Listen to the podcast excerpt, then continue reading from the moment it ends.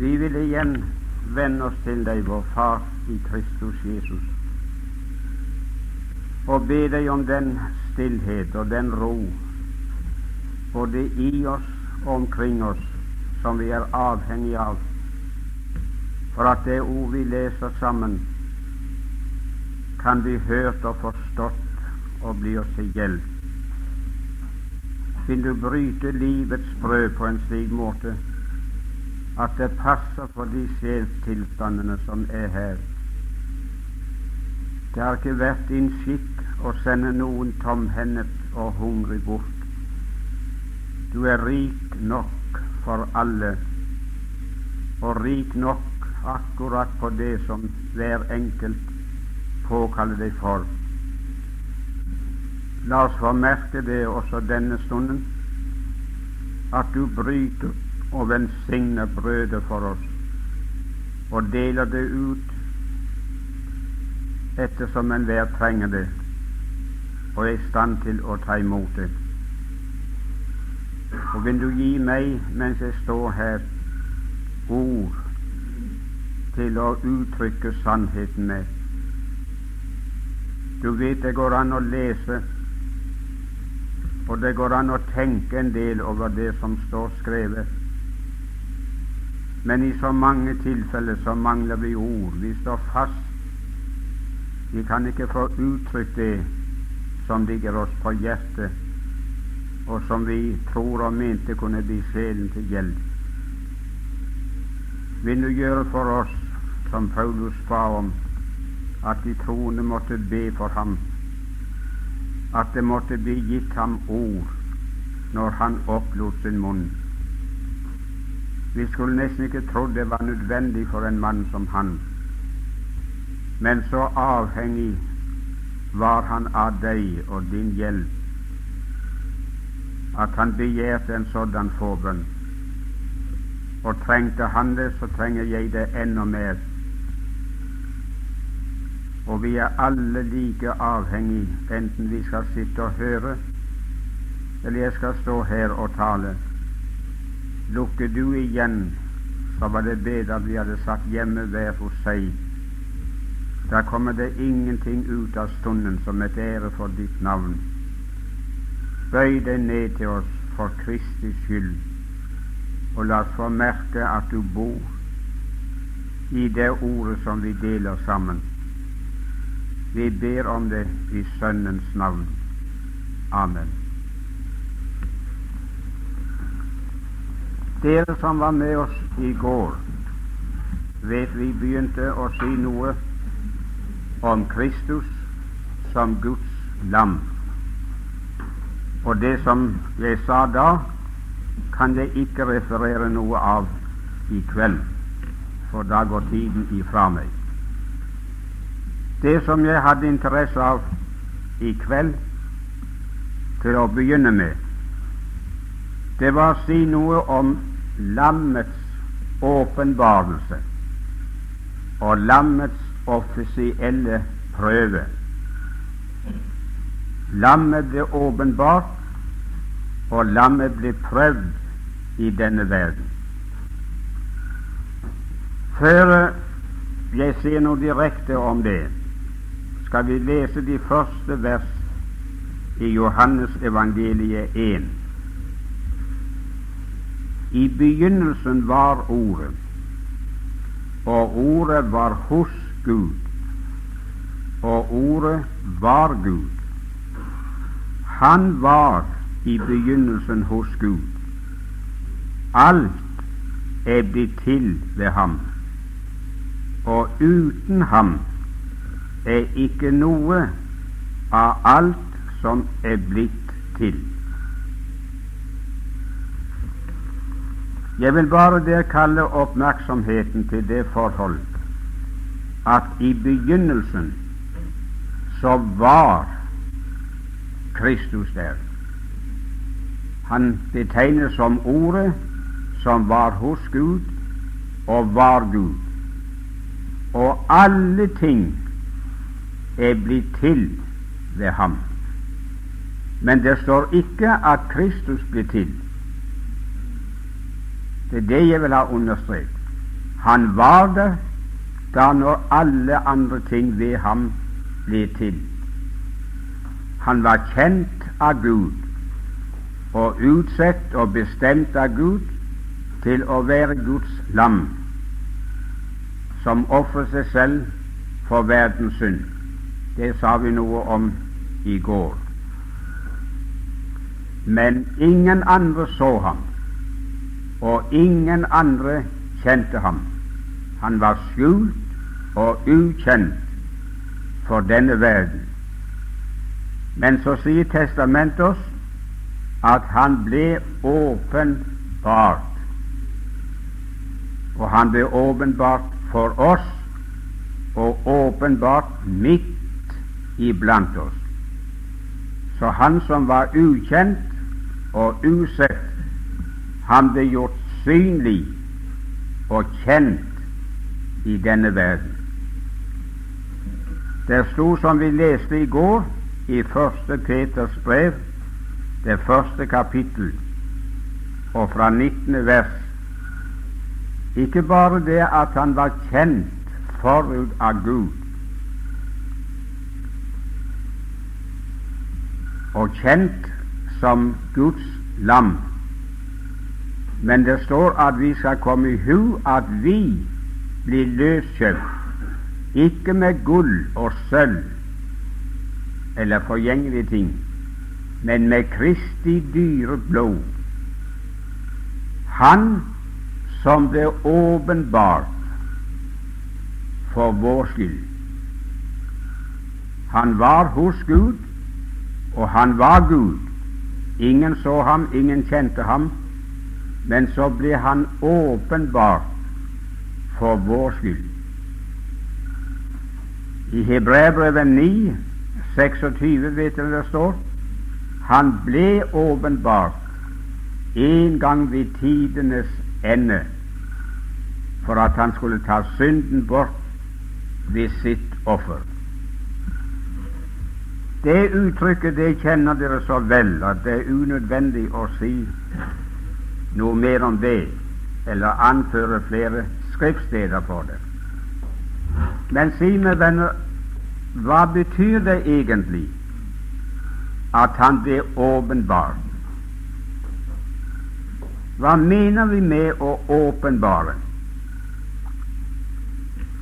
Nå kan jeg stå her og si dere og forsikre dere om at jeg har noe i den hånden min. Det er ingen av dere som ser det, ingen av dere som vet hva det er, og heller ikke hvordan jeg eller dere kan forholde oss til det. Men hvis jeg dukker hånden opp og gjør sånn, så er en, et stykke av blyant, rød og blå blyant. Men hør nå. I det jeg lukte hånden opp og åpenbarte hva som var i hånden, så ble ikke den blyanten til. Den var der før jeg lukte hånden opp. Det som skjedde, var bare det som var der, men var usynlig og ukjent, og som vi ikke visste hvordan vi skulle forholde oss til det, ble lagt for dagen. Det blir åpenbart.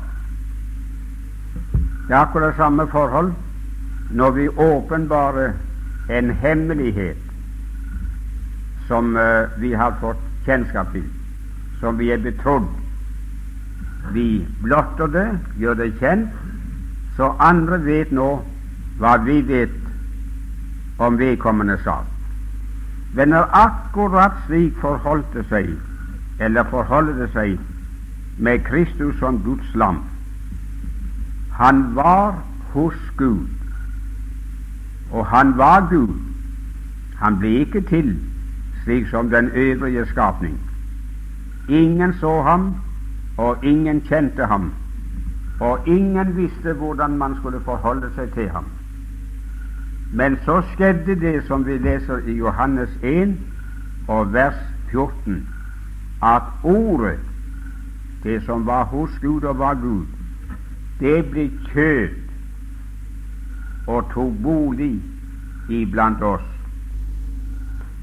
Og i Johannes første brev fire, niende og tiende vers, der sies det at han ble åpenbart Guds kjærlighet ble åpenbart iblant oss.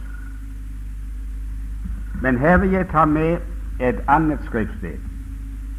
Jeg håper dere kjenner det før, men eh, det har gått av å, å, bli minnet om det igjen. Det er det første kapittel av andre Timotius-brevet.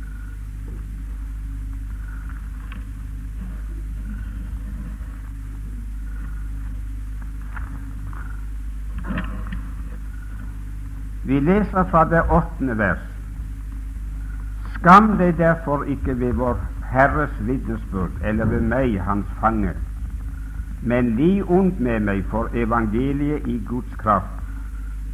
Han som frelste oss og kalte oss med et hellig kall, ikke etter våre gjerninger, men etter sitt eget forsett og den nåde som er gitt oss i Kristus Jesus fra evige tider, men nå er blitt åpenbart ved vår Frelser Jesu Kristi åpenbarelse.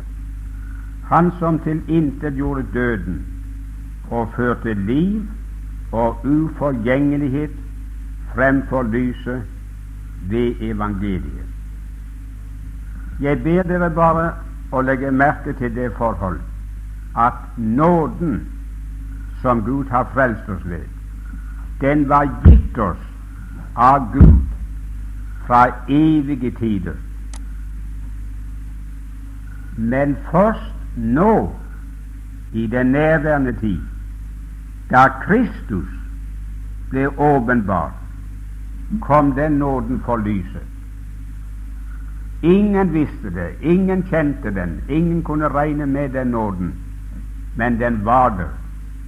Men da Kristus steg inn i verden, levde sitt liv, gjorde sine gjerninger og ga sitt liv i døden på et kors og sto opp av graven, så kom det for lyset hva Gud hadde gitt og bestemt i evigheten. Han ble åpenbart. Han kom innenfor sfæren av menneskelig erkjennelse. Så nå behøver ingen være i uvitenhet om den nåden som Gud hadde gitt oss fra evige tider, for den er blitt kjent i og med Kristus, Jesus og hans inntreden i verden. Følgelig, venner, fins det ingenting for oss her i livet som er mer nødvendig og mer påkrevd enn at vi lærer ham å kjenne. Kjenner du Jesus, så kjenner du Guds nåde. Mellom de to er det ingen forskjell. Den som har sett den Herre Jesus, han har sett Gud. Og Johannes sier han har endog sett Guds vesen. Og Kristus sa selv på salen i Jerusalem den som har sett meg, han har sett Faderen. Det er ingen forskjell på ham og på meg. Om det hadde vært mulig, om det kunne latt seg gjort, at Kristus hadde forsvunnet der fra salen. Og så hadde Gud i egen person plassert seg der i hans plass. Så nå visste hele flokken her er Gud, her er Faderen. Så ville de ikke ha fått noen annen følelse enn de hadde når Jesus satt der. Gud hadde ikke hatt noe annet å si dem enn det Kristus sa dem. Det var ingen forskjell. Hadde de ingen grunn til å frykte for ham, hadde de ingen grunn til å frykte for Gud. Den som har sett meg, han har sett Faderen. Og Johannes 1 står det ingen har noensinne sett Gud, men den enbårne Sønn, som er i Faderens skjød, han har forklart ham. Så vi kan aldri, venner, få vite noe annet og noe mer om Gud og Hans vesen enn det som kom for dagen i Kristus Jesus, og som er fortalt oss i Det nye testamentet. Så kjenner vi ham, så vet vi hva vi har å regne med. Jeg sier bare sånn forbigående jeg møter så mange troende som er så livende redd for å dø. Så tenker de ja, ja, vi er nå frelst. Jeg henger med Gud. Han er meg nådig. Og Jesus han er så god at han støter ingenlunde den ut som kommer til ham. Han får bli der. Men hvordan skal det gå meg når jeg skal møte Gud? Når jeg skal dø og gå ut av denne verden og stå ansikt til ansikt med Gud sjøl, skal jeg få lov å si det, min venn. Du vil aldri ha blitt mer overrasket enn du blir i det øyeblikk. For da innser du det er ingen forskjell på Gud og den Jesus du har trodd på i denne verden. Du får se akkurat det samme i ham og i hans handlemåte som du har lest om Kristus Jesus som han var i denne verden. Så det kom ikke noe nytt for dagen. Det er blitt åpenbart. Det var derfor jeg sa, og gjentar det, at det er ingenting som er mer påkrevd og mer nødvendig for et troende menneske enn å lære Kristus Jesus å kjenne. Kjenner jeg ham, så kjenner jeg utfallet av mitt liv som et troende menneske. Det andre jeg vil eh, få understreke, det er at som Guds lam, som åpenbart i denne verden, som ikledd kjøtt og blod, som han gikk imellom oss her, ble han gjenstand for prøvelse. Vi leste i går i 1. Peters 1 om at når vi skulle komme i hu at vi ikke var kjøpt og forløst med forgjengelige ting, men med kristelig dyre blod, så var det tilføyet som blodet av et ulastelig og uskyldig lam.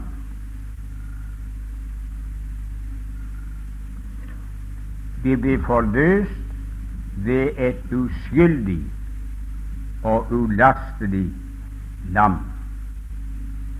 eller et uskyldig lams blod. Og jeg nevnte i går, før vi avsluttet, at før påskelammet i 2. Mosebok 12, som var et forbilde av Kristus som vårt påskelam, det ble gjenstand for en prøve. Gud sa på den tiende dag i denne måneden skal det ta ut et lam. Og så skal det ha det i forvaring til den 14. dag. Og da skal det slakte det om kvelden mellom de to aftenstunder. Altså, det var ikke den tiende dag da Gud sa det, men på den tiende dag, når den kommer, så skal det ta lam ut. Men det skal være et lam uten lyde. Jeg synes å se de, de husfedrene for seg, og ikke bare husfaren, men aller helst den i familien som var den førstefødte. Nå visste de hva Gud hadde sagt, at hvis det lammet der er lydeløst og dør i vårt sted, og vi anvender dets blod, så er vårt liv berget. Så har de gått og sett på saueflokken, og i løpet av de fire døgnene så har de tenkt vel, på den tiende dagen så blir det det lammet vi tar. Da hadde de forvisset seg om at det var det eneste lam de hadde som de kunne regne for lydeløst. Og var det lydeløst, så hadde Gud bundet seg til å gå dem forbi. Og akkurat venner, på samme måten blir den Herre Jesus ikke bare tatt ut av Gud og sendt inn i denne verden, men han ble prøvet. Og han ble prøvet offisielt, så det kom for dagen at han var lydeløs og velbehagelig for Gud. Og det er den offisielle prøve som jeg gjerne vil be dere å legge merke til nå i kveld. Skal jeg da først få lese fra Isaias 28 og det 16. vers. Der sa Herren,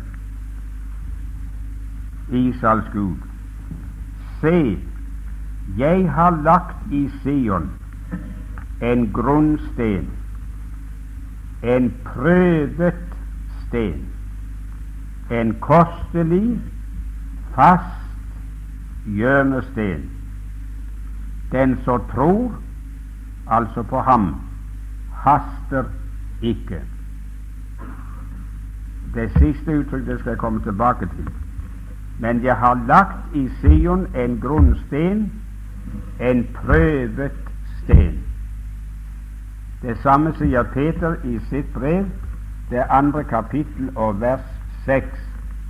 Derfor sier Skriften Se, jeg har lagt i Sion en hjørnesten, en hovedhjørnesten, en prøvet sten, og den som tror på ham, kommer ikke til skamme. Det vil si at det skal slå til akkurat slik som de har trodd om ham og ventet av ham.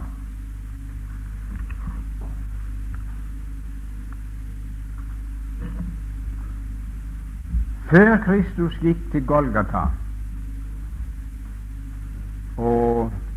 ofret seg i døden, så hadde han fått et trefoldig vitnesbyrd om at han var uskyldig, hellig og ren. Nå er det ikke sagt at alle dere har tenkt så meget over det og heller ikke av betydningen av det. Men det er så vesentlig at Gud ville aldri ha omtalt det så nøye i Skriften hvis det ikke betød noe. Det betød like meget for oss som det betydde for den første fødte i Israel, at det lammet de slaktet, og som døde for ham, var godkjent av Gud, at det var lydeløst. Det første vitnesbyrd for at han var ulastelig og lydeløs, fikk han av Gud selv. De kan se det selv i Matteus, det tredje kapittel, det 16. og 17. vers. Det var nede ved Jordan da han ble døpt av døperen Johannes. Han var ikke før stått opp av vannet, og Den hellige ånd hadde kommet over ham i skikkelsen av en due, så kom det en røst fra himmelen som sa:" Dette er min sønn, den elskede, I ham har jeg velbehag. Gud kjente ham, og det kjente ham fra evighet av. Og han kjente hele hans liv, som han hadde levd ifra Betlehem og til han nå sto nede ved Jordan. Det hadde vært levd for Gud dag for dag, og Gud hadde sett ham. Og nå gir Gud ham det vitnesbyrd. I ham har jeg velbehag. Han hadde ingenting å laste ham for, ingenting å klandre ham for. Han var hellig, uskyldig og ren, og Gud ga ham den attesten. Det andre vitnesbyrd det får han av Pilatus hos landshøvdingen. Her vil jeg få lov å lese noen vers fra evangeliene fra Lukas 23. Der leser vi i det 13. til 22. vers.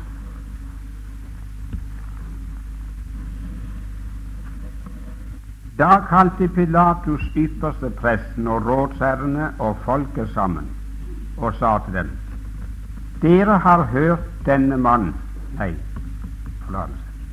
Dere har ført denne mann fremfor meg som en som forfører folket til frafall.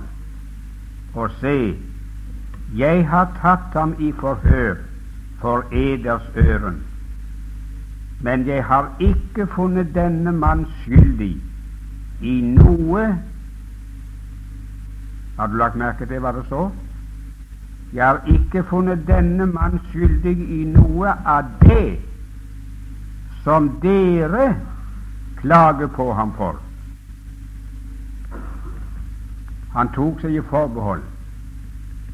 Det kunne være ting ved ham som han var skyldig i, men det uttalte han seg jo ikke om.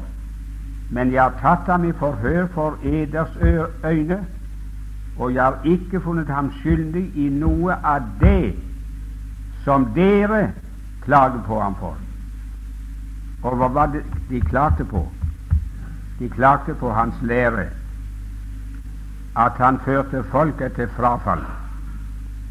Og nå har de selv hørt på og sett på hvordan han tok det, og kunne dømme i saken om han eh, så gjennom fingrene. Men han slapp ikke med det. Det var ikke nok å bare si det. Jeg har ikke funnet ham skyldig i noe av det som dere klager på. Han måtte ta han for seg igjen, og vi leser i vers 15. Herodes heller ikke, for jeg sendte dere til ham, og se, han har ikke gjort noe som fortjener døden. Nei, men det skal nokså meget til for å dømmes til døden. Han kunne jo ha gjort seg skyldig i andre ting, men han sier 'Jeg har ikke funnet ham skyldig'. Jeg har ikke funnet at han har gjort noe som fortjener døden. Så grovt er det iallfall ikke. At det kan være andre feil ved ham, så det får dere avgjøre. Men jeg har ikke funnet at han fortjener døden. Han er ingen forbryter. Tror du han slapp med det? Nei, nei, min venn. Gud vågte over ham. Jeg tror vi leser videre til vers 22. Derfor vil jeg refse ham, og så gi ham fri. Men på høytiden måtte han gi en fri. Gir oss da alle som en, bort med denne, men gi oss Barabbas fri. Dette var en som var kastet i fengsel for et opprør som hadde vært i byen, og for et mord. Pilatus talte da atter til dem fordi han gjerne ville gi Jesus fri. Men de ropte til ham og sa, Korsfest, korsfest ham. Da sa han for tredje gang til dem, hva ondt har da denne mann gjort? Jeg har ikke funnet noen dødsskyld hos ham. Derfor vil jeg refse ham og så gi ham fri. Han gjorde sitt ytterste for å få dømt den mannen fri, men det lyktes ikke. Vi skal se et annet vers om samme sak i Johannes 18.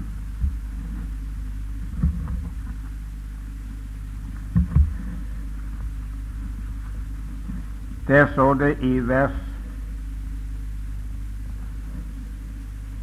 38. Da hadde han tatt han inn i borgen i et nytt forhør. Og så står det Pilatus sier til ham, Hva er sannhet? Da sa Og da han hadde sagt dette, gikk han igjen ut til jødene og sa til dem, Jeg finner ingen skyld hos dette mennesket. Jeg finner ingen skyld hos dette mennesket.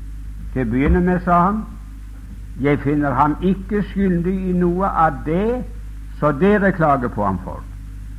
I andre tilfelle jeg finner ingenting som fortjener døden. Det er ingen dødsskyld hos ham. Men nå sier han noe annet. Jeg finner ingen skyld. Og så husker det står hos Matteus at da han felte dommen, de kunne ta ham og korsfeste ham, så tok han et fat med vann og vasket sine hender. Og så sa han, Jeg er uskyldig i denne rettferdiges blod. Så nå får dere ta ansvaret. Jeg har tatt ham i forhør i alt, og jeg finner ingen dødsskyld hos ham, og kan ikke dømme ham til døden. Men når dere forlanger det og tvinger meg til det, så får dere selv ta ansvaret. Jeg er uskyldig i denne rettferdiges blod. Det fortelles Det står ikke i Bibelen, så jeg kan ikke garantere at det er så. Men historien forteller at Pilatus en kort tid etter så å si blir sinnssyk. Hans nerver klarte ikke påkjenningen. Så rømte han ut i fjellene, og der fant han en bekk og der sto han dag ut og dag inn og svettet hendene sine, vasket de i vannet, og så skrek han Å, skal de aldri bli rene? Han syntes hendene hans var blodrøde, og så skulle han vaske vekk den skyld han hadde pådratt seg men han fikk den ikke vekk. Å, skal de aldri bli rene? Og i den, i den forfatning skulle han ha gått ut av verden. De ble ikke rene. Det sier ikke mer om det. Men det var ikke slutten. Når han hadde dømt ham som ren og som uskyldig, ulastelig, så fikk han ennå et vitnesbyrd før han gikk til korset. Og det fikk han av en mann som heter Judas. Det står i Matteus 27 de fire første vers. Matteus 27, de fire første vers. Da det nå var blitt morgen, holdt alle ypperste prestene og folkets eldste råd imot Jesus at de kunne drepe ham.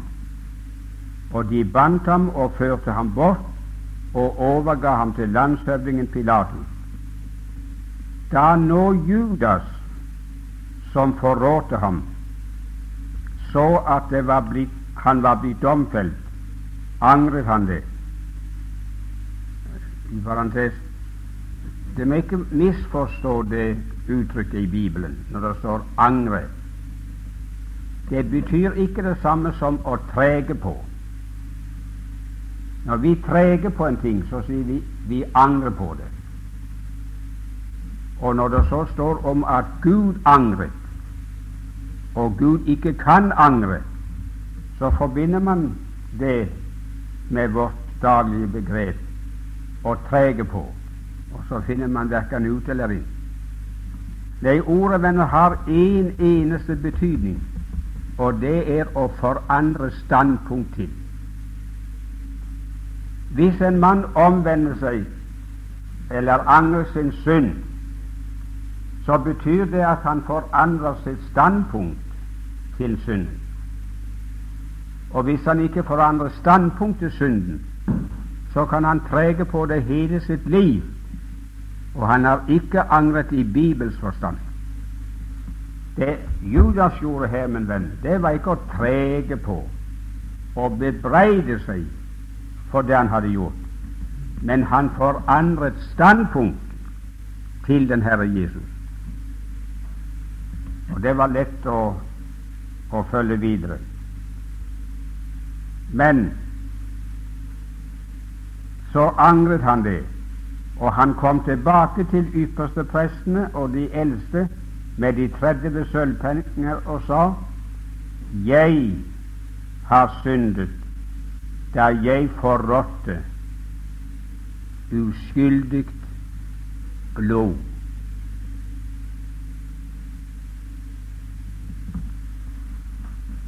Venner, da Gud vitnet om ham nede ved Jordan, så uttalte Gud seg bare om det liv han hadde levd fra han var barn, og til han nå ble døpt. Inntil da og det eide han Guds velbehag. Når landshøvdingen tok ham i forhør i retten, så uttalte han seg om det som de klaget på ham for. Hans privatliv nevnte Pilatus ingenting om. Hvordan han hadde levd sammen med sine venner, og hvordan han hadde oppført seg når han var alene, så det lot han ligge. Men jeg finner ingenting som fortjener døden i hans liv. Men nå venner, kommer det en representant som kan uttale seg om en side av Kristi liv som ingen andre kunne, og ingen andre har uttalt seg om, og det var hans privatliv. Og det var en av de tolv en av de som hadde vist seg og opptrådt å være hans venner.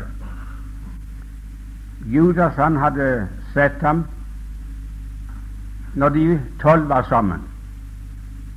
Han hadde sett ham når han var sammen med noen få av dem. Han hadde kommet over ham om nettene og funnet ham liggende i bønn. Han hadde sett ham ved høylys dag når han var alene, når han var sammen med andre, sammen med kvinner, og han hadde hatt med Jesus og gjort i pengesaker. Han kjente hele hans liv. Og det er som regel i, i pengesaker, sier vi, at vi lærer folk å kjenne.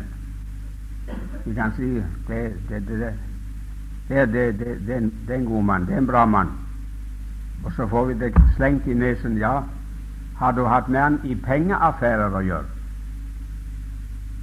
Ha med ham å gjøre når det gjelder noen få kroner, så skal du få lære ham å kjenne. Judas hadde vært kasserer og visste hvordan Jesus styrte med kassen. Og den mannen, han kommer, og så sier han Jeg har forrådt en uskyldig mann Nei da. Men jeg har forrådt uskyldig blod. Venner, vår synd den sitter oss i blodet. Synden i kjøtet. Den onde arv som er arvet fra fedrene. Noe sådant fantes der ikke hos ham. Jeg har forrådt uskyldig blod. Han er helt igjennom uskyldig og ulastelig. Når det vitnesbyrd var gitt, så gikk han til korset og ga sitt liv. Men hva vil nå det jeg har sagt her, egentlig si? Han har fått et trefoldig vitnesbyrd.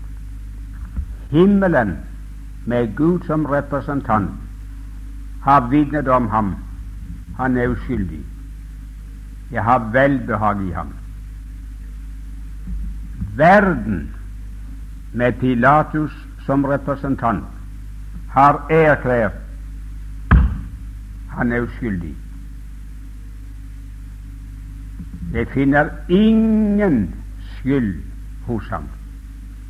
Så jeg er, når jeg nå dømmer ham, så er det på grunn av de tvinger meg til det, men jeg har, jeg har funnet at han er en uskyldig mann. Så det får de ta ansvar for. Og så kommer Judas. Men husk på hvem han var.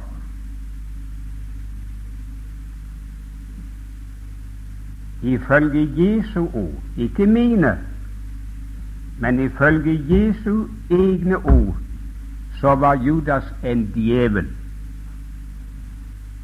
Han sa Johannes 6, har ikke jeg utvalgt dere tolv, og en iblant dere kommer til å bli en djevel.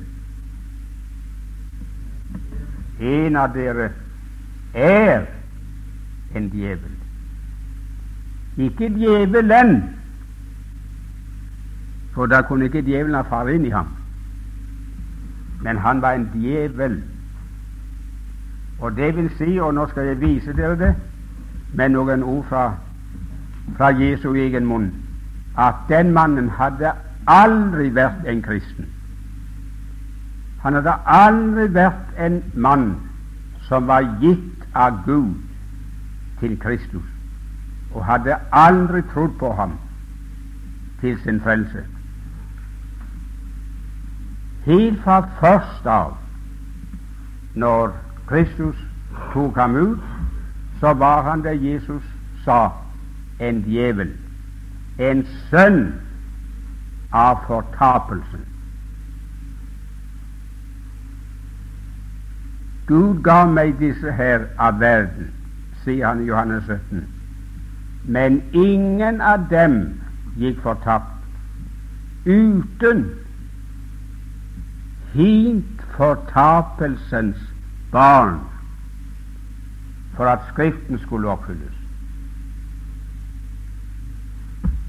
Venner, det finnes ikke et eneste sted i hele Skriften som sier at et menneske, som du og jeg er, skal og må fortapes. Og så må det mennesket gå fortapt fordi at Skriften skal bli oppfylt, som har forutsatt det. Et slikt sted finnes ikke i Skriften. Men en sønn av fortapelsen er noe ganske annet. Og antikristen bærer det samme navn i 2. Tessalonikerbrevet, det andre kapittel. Fortapelsens sønn som skal åpenbares i denne verden, og som skal gjøre tegn og undere og kraftige gjerninger. Men nok om det. Skal vi slå opp Johannes 6?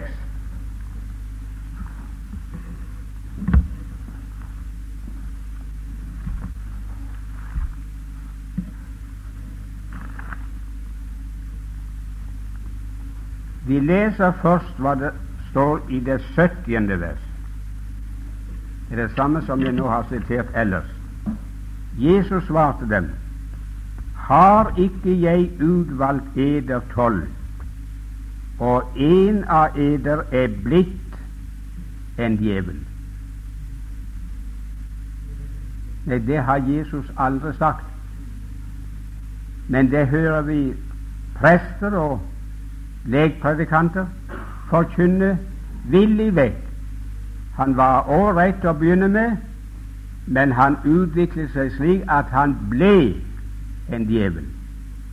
Det har Jesus aldri sagt. Men jeg har utvalgt eder tolv, og en av eder er en djevel. Skal vi så se i, vers, i samme kapittel, vers 44 Ingen Merk det, er ingen unntakelse. Ingen kan komme til meg uten at Faderen, som har sendt meg, drar ham, og jeg skal oppreise ham på den ytterste dag. At Jesus sa det, kan ingen benekte. Men kan dere nå som sitter her si meg hvorfor Jesus sa det? Hvorfor understrekte han det? At ingen kan komme til meg uten det er gitt ham av min Fader. Han hadde en grunn for å si det, og det skal vi finne i vers 64 og 65. De vet det var en hel flokk som hadde tatt anstøt av ham og trakk seg tilbake og forlot ham. Og så spurte Peter så spurte Jesus vil også dere gå bort. De kjenner den beretningen. Så kommer Jesus igjen i vers 64 og 65, og så sier han Men det er noen av dere som ikke tror. Hvorfor sa han det? Hvorfor sa han det? Hvorfor visste han det?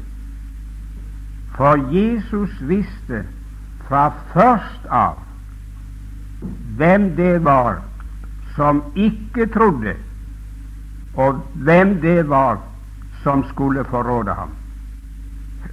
Og han sa det var derfor jeg sa eder at ingen kan komme til meg uten at det er gitt ham av Faderen.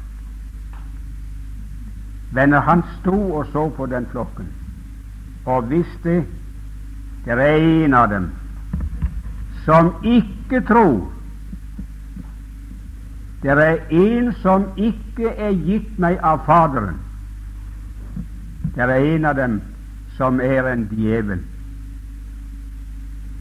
Og så sa han, vær oppmerksom på det, ingen kan komme til meg uten at min far drar ham. Så gjentar han det her og sier, det var derfor, fordi en av dere ikke tror. Det var derfor jeg sa det. Ingen kan komme til meg uten det er gitt meg, gitt ham av Faderen. Følgelig, venner, måtte den personen være en mann som Gud aldri hadde gitt som en gave til Kristus Jesus. Han hadde aldri vært en troende. Enten det, ellers er Jesu ord i Johannes 6 ikke sant. Men jeg tror det er sant. Men så vil du kanskje spørre meg Men hva skulle da han i den flokken? Hvordan kunne Jesus finne på å så velge en djevel i det selskapet? Men er ganske visst for å slått det endelig fast at han var uskyldig og lydeløs. Når alle andre hadde vitnet om ham Gud, himmelen, hadde vitnet, Pilatus hadde vitnet på menneskenes vegne at han fant ingen skyld hos ham. Så kom det ett vitne til, et vitne som ikke skulle beskyldes for å stå inne med ham og holde med ham og dekke over ham. En mann som ikke var inhabil, og så vitnet om alt hans liv, hele hans vesen. Jeg har sett ham ved dag og natt, sammen med menn, sammen med kvinner, i fellesskap, i en flokk, og ganske alene. Jeg kjenner ham. Jeg har hatt med ham å gjøre i pengeaffærer. Jeg har forrådt uskyldig blod. Himmelen, jorden og helvete har erklært ham å være lydløs. lydløs. Så vi er løskjøpt ved blodet av et uskyldig og lydeløst lam. Jeg tror jeg føyer det til, så kan det ha noe å tygge på i morgen når det ikke er møte. Gud sa til djevelen i Eden da Adam hadde syndet, og da når han ga løftet om kvinnens sæd Og jeg vil sette fiendskap mellom kvinnens sæd og din sæd.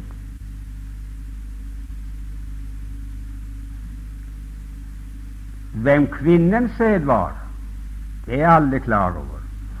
Det var Kristus Jesus, som ble unnfanget av Den hellige ånd, ren og uten synd, uten syndig arv. Men hvem er djevelens sæd?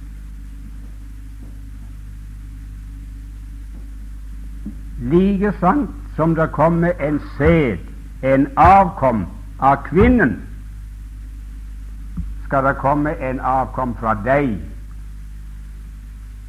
Og så setter jeg fiendskap mellom kvinnens sæd og din sæd.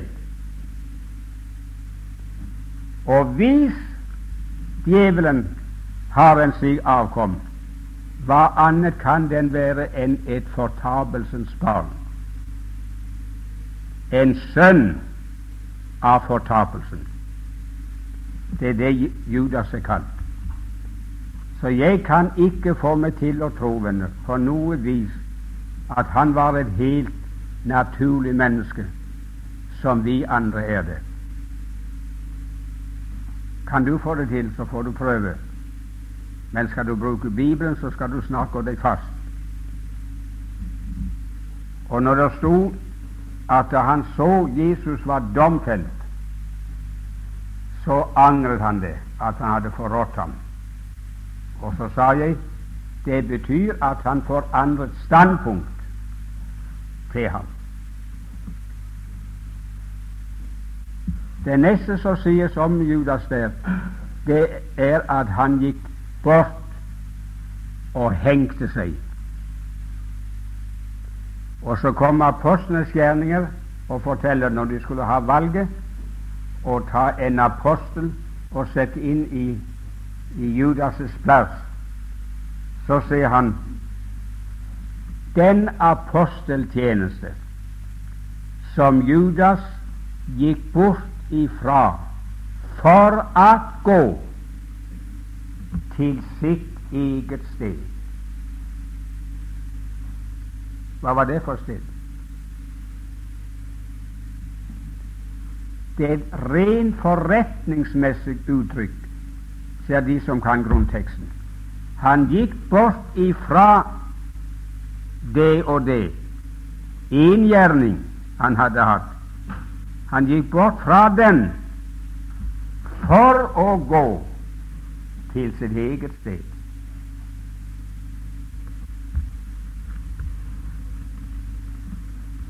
Men det er ikke tatt ut av luften når Jesus sa han er en djevel.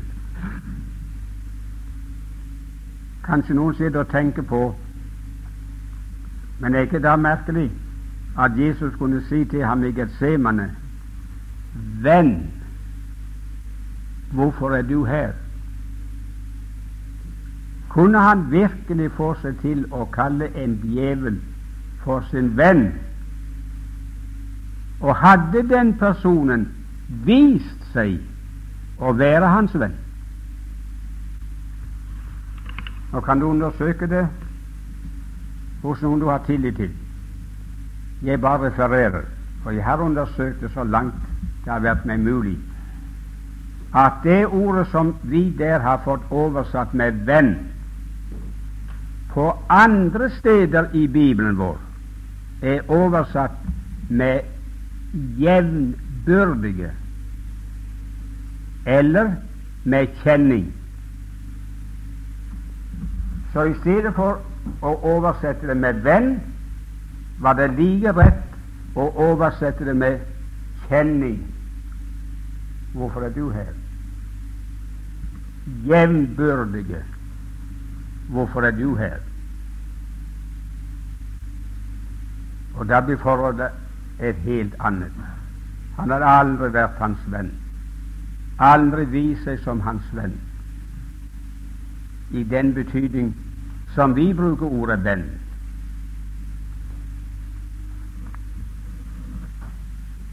Men jeg kan ikke gå nærmere inn på det nå. Men dette var altså litt om selve prøven, åpenbarelsen av lammet. Han steg inn i denne verden og ble kjent, og den prøve som det ble satt på ham.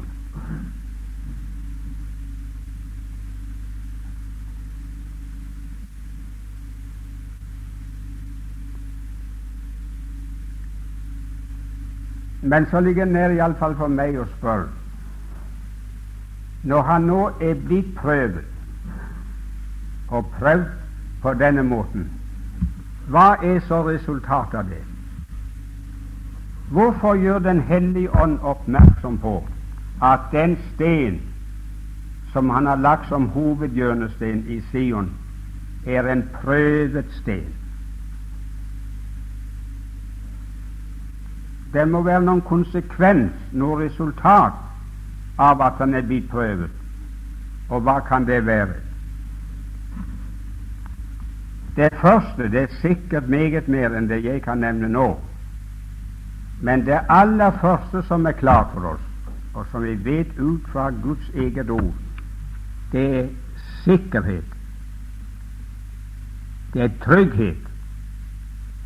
Jeg har lagt i Sion en hovedhjørnesten, en fast grunnet sten, en prøvet sten, og den som tror på ham, skal ikke bli til skamme.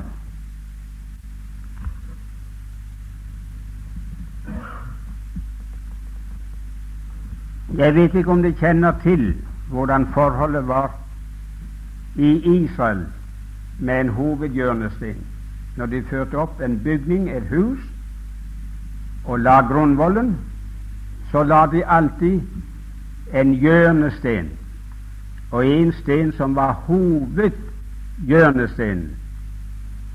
Den kunne være opptil flere tonn tung, og den stakk én meter ut fra ytterste veggen, ut i gaten.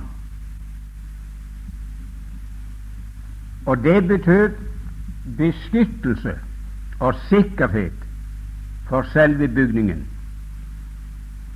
I den tiden så brukte de ikke fortau på gatene langs veggene, som vi kjenner det. Men det var frie gaten, og så stakk den hovedhjørnesteinen på flere tonn én meter ut i gaten, utenfor de andre stenene. Og f.eks. i krigstilfelle, når en stridsvogn kom for full fart kjørende, og så skulle svinge om hjørnet, og ikke hadde tatt seg i vare, så støtte han han imot huset. Men traff ikke selve huset, men han traff hjørnesteinen. Og når hjørnesteinen holdt og lå fast, så sto huset. Det kunne kanskje ryste litt, men det sto, og det tok ingen skade. Det var iallfall i første mening hva en hovedhjørnestein var. Men så kommer den andre betydning, og det er at en sådan sten den bød på hvile og trygghet for fremmede.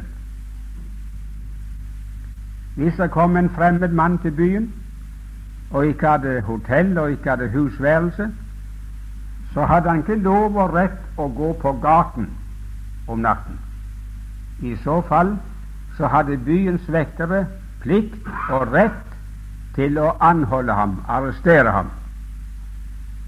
Men det var én ting han kunne gjøre, hadde lov til, og det var respektert.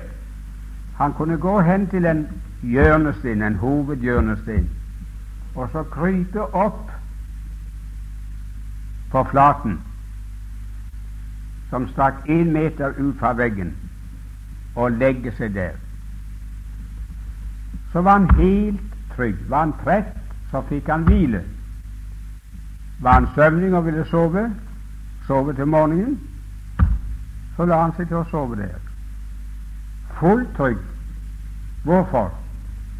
For den mann som hadde lagt seg til å sove der og hvile der, hadde byens vektere ansvar for å beskytte. Så når han sov, så vågte de over ham så ingen kunne røre ham, og ingen kunne bestjele ham og rane ham. Han var trygg og fri. Alt dette der, venner, det er Kristus Jesus for enhver troende. Gud har lagt i Sion en fast grunnet sten, og har gjort ham også til en anstøtt sten. Så hvis noen ikke enser den, ikke bryr seg om den, men kjører an imot den, så vil de snuble og knuse seg selv. Men stenen, den ligger. Og den bygden Gud har reist, den står. Og mang en trett sjel har fått lagt seg til hvile og hviler der. Og hviler under Guds og våkenhet og Guds beskyttelse. Det er det første. Det andre jeg ville nevne, det er resultatet av prøven og det jeg nå har sagt. Der sto i Isaias 28, 16 og i Peters 2, 6 at de som tror på ham, haster ikke. Men ser du etter i Bibelen, så står det en stjerne under ordet, og så kommer det en forklaring. Det betyr han er fri for angst og forferdelse. På svensk står det i en oversettelse og den som tror på ham, flyr ikke. Han har ingenting å være redd for, så han tar ikke flukten. Han har ro og fred. Han hviler på hjørnestenen. Og på kinesisk der har de oversatt det enda annerledes. Og så står det han er fri for angst og forferdelse. Der står det rett og slett den som tror på ham, han er ikke nervøs. Et tegn på nervøsitet, det er angst og frykt og redsel og uro. Er nervene i orden, så er også de tingene i orden. De som kjenner ham og forlater seg på ham, tar sin tilflukt til ham, ved at stenen er prøvd, den holder han har fått fred. Det kunne hende det var noen her som ikke har fred, som er plaget av angst og redsel og tvil og frykt. Kjære deg, min venn, det er bare fordi du ikke kjenner ham som du tror på. Det at du tror og vet at du tror, det er ålreit, men det gir deg ingen fast, konstant hvile. Men hvis du kan si med Paulus 'Jeg vet på hvem jeg tror', så får du ro. Da vet du det holder. Det var meget mer å sagt i forbindelse med det, men så går tiden for langt, så vi får stanse her. Ifra det øyeblikk Gud la ham i Sion som en hjørnesten, så har verdens vise og menneskets selvrettferdigheten løp storm imot ham for å få ham vekk, for å forandre noe på sannheten om den Herre Jesus. Men det har aldri lykkes, folk. Stenen har vært dem for tung. De har ikke greid å løfte den. Den ligger akkurat i dag som Gud la den på Golgata. De har ikke rikket den en millimeter. Og det har aldri vært flere i denne verden som tror på Jesus og har lagt seg til hvile der, enn det er i dag. Så de har ikke oppnådd noe resultat med all sin tvil og all sin møye. Har bare knust seg selv og vil komme til å knuse seg selv. Men stenen, den ligger der, den holder. Så skal vi, eh, når vi samles igjen på onsdag, ikke si mer om Kristus som Guds lam, men se ham som vårt lam. Kristus, vårt påskelam, er jo slaktet. La oss derfor holde høyden. Amen.